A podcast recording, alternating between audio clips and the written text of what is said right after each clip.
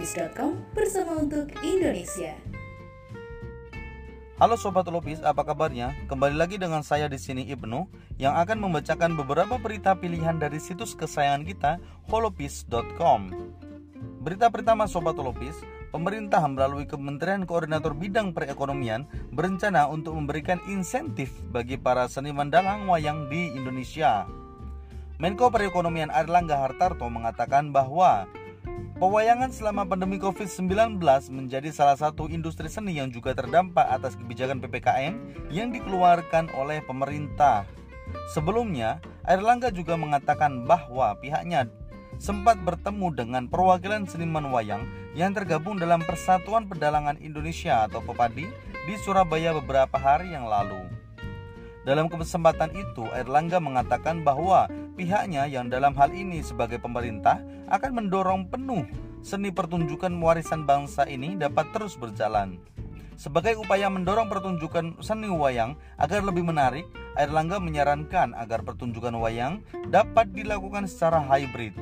Selain itu, penanggap dan dalang juga perlu melakukan publikasi yang lebih baik untuk mencari penonton baru terutama dari kalangan milenial.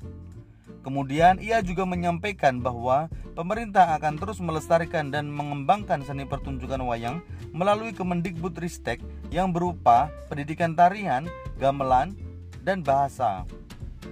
Menurutnya, diperlukan penggunaan bahasa Indonesia agar pertunjukan wayang dapat tidak hanya dipahami oleh generasi muda Jawa, akan tetapi juga para generasi muda di seluruh Indonesia. Berita kedua Sobat Telupis, Satgas Pangan Polri memberikan peringatan keras kepada para pelaku usaha yang nekat menimbun minyak goreng. Pasalnya, penimbunan dapat menyebabkan kelangkaan barang. Karopen Mas Divisi Humas Mabes Polri Brigjen Pol Ahmad Ramadan mengatakan para pelaku usaha yang terbukti menimbun sembako dapat kena hukuman maksimal 5 tahun penjara, kemudian denda paling banyak 50 miliar rupiah.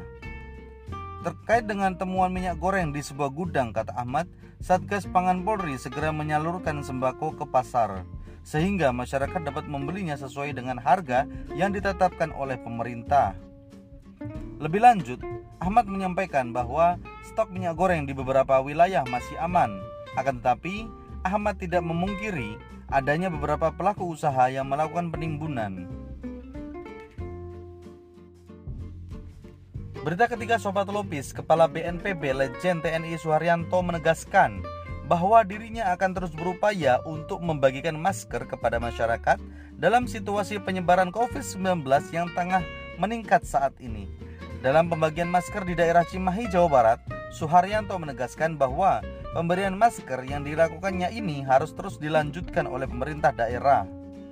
Kali ini Suharyanto menyampaikan bahwa rombongan menyasar masyarakat Cimahi dengan membagikan total sebanyak 100 ribu masker di 10 titik kota Cimahi.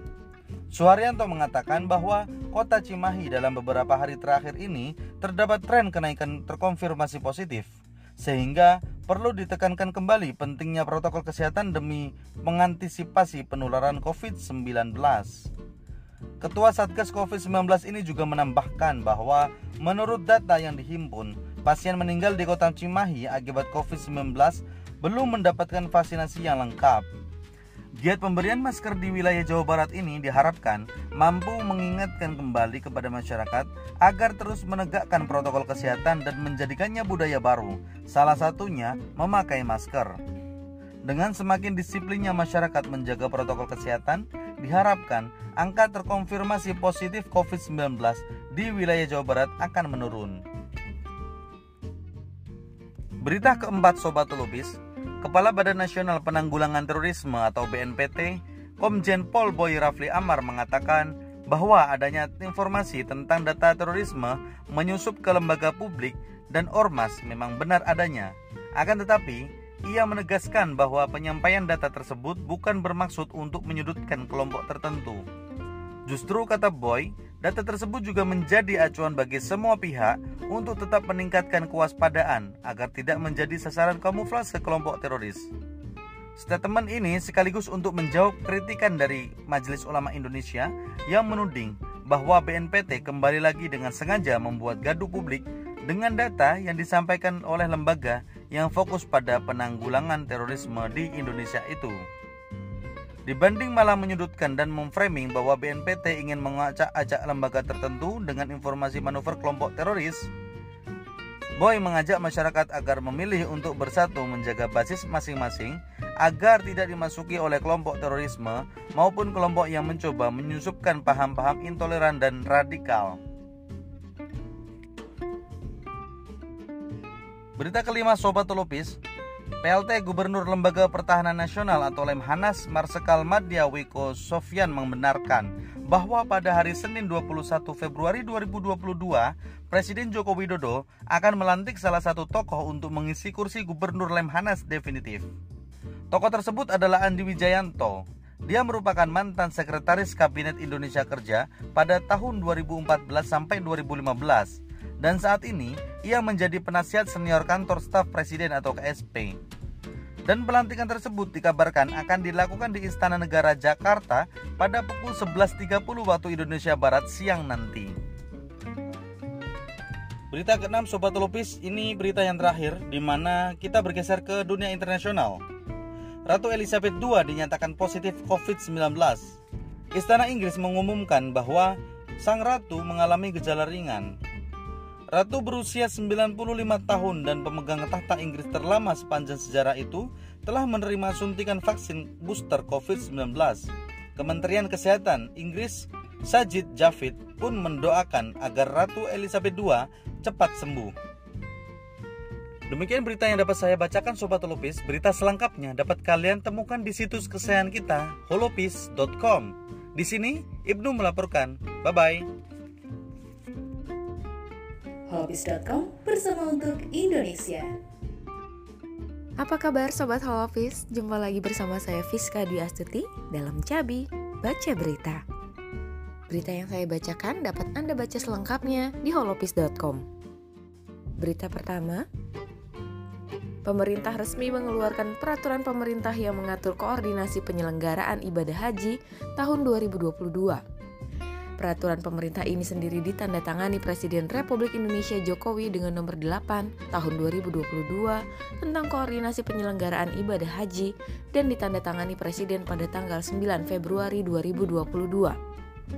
Penerbitan peraturan ini merupakan pelaksanaan dari ketentuan pasal 109 Undang-Undang Nomor 8 Tahun 2019 tentang penyelenggaraan ibadah haji dan umroh. Dalam peraturan pemerintah ini ditegaskan bahwa penyelenggaraan ibadah haji merupakan tugas nasional dan menjadi tanggung jawab pemerintah. Tugas penyelenggaraan tersebut dilaksanakan oleh menteri yang menyelenggarakan urusan pemerintahan di bidang agama.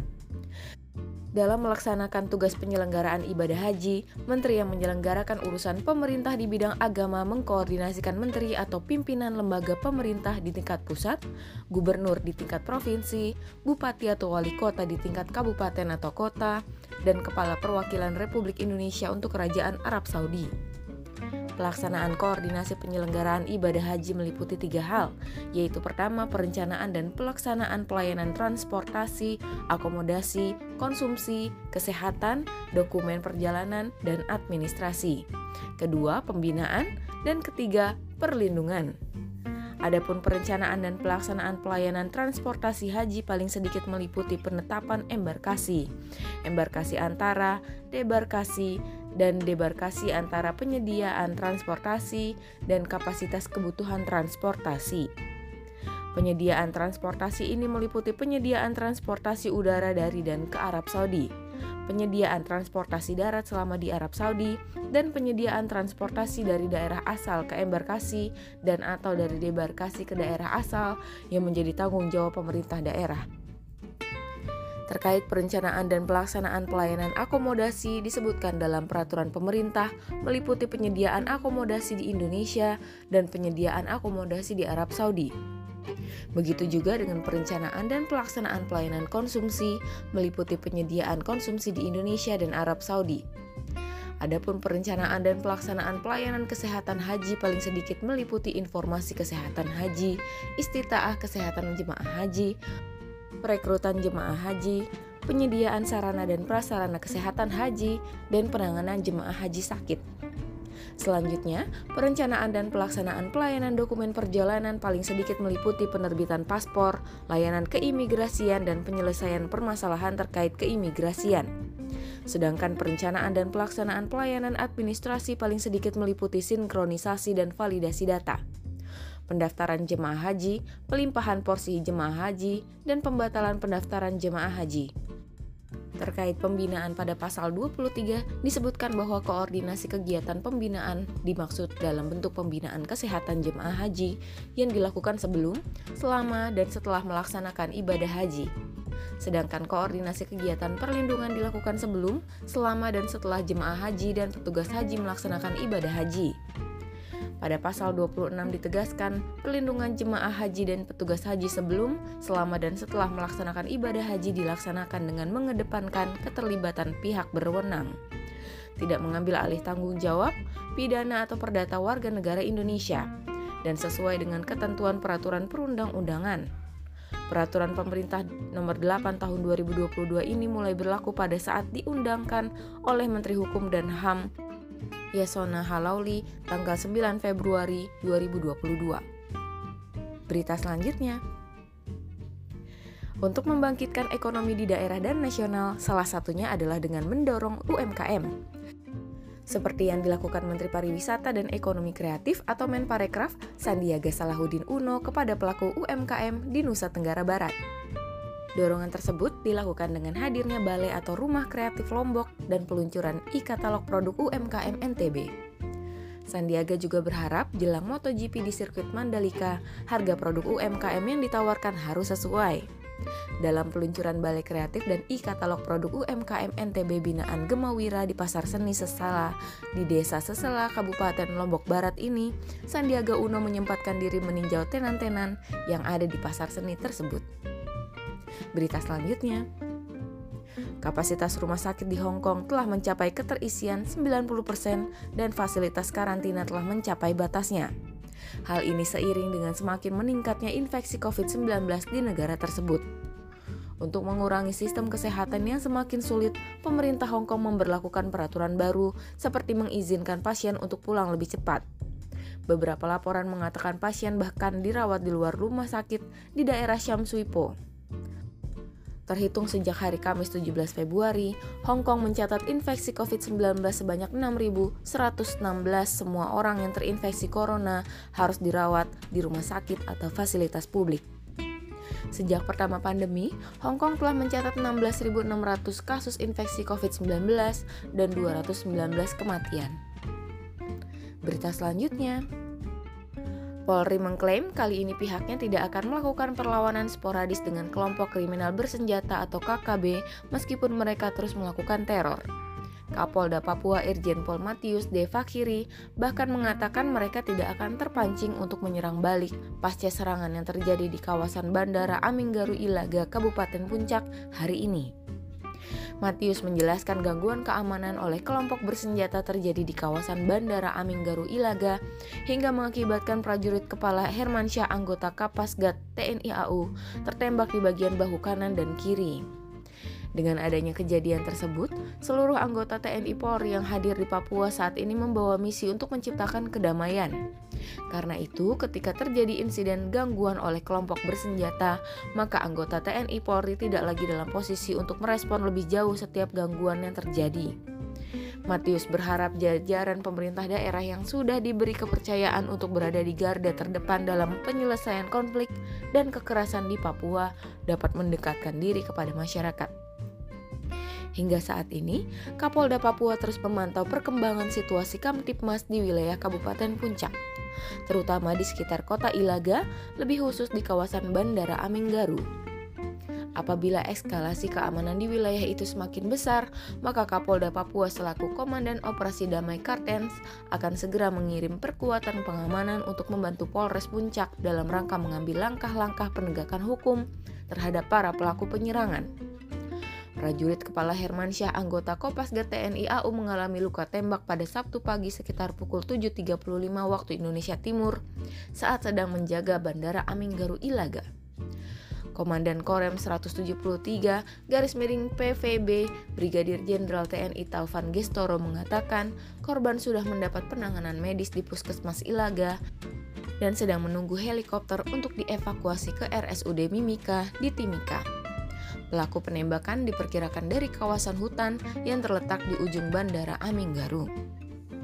Demikian rangkuman berita untuk hari ini. Saya Fiska Dwi Astuti melaporkan untuk holopis.com bersama untuk Indonesia.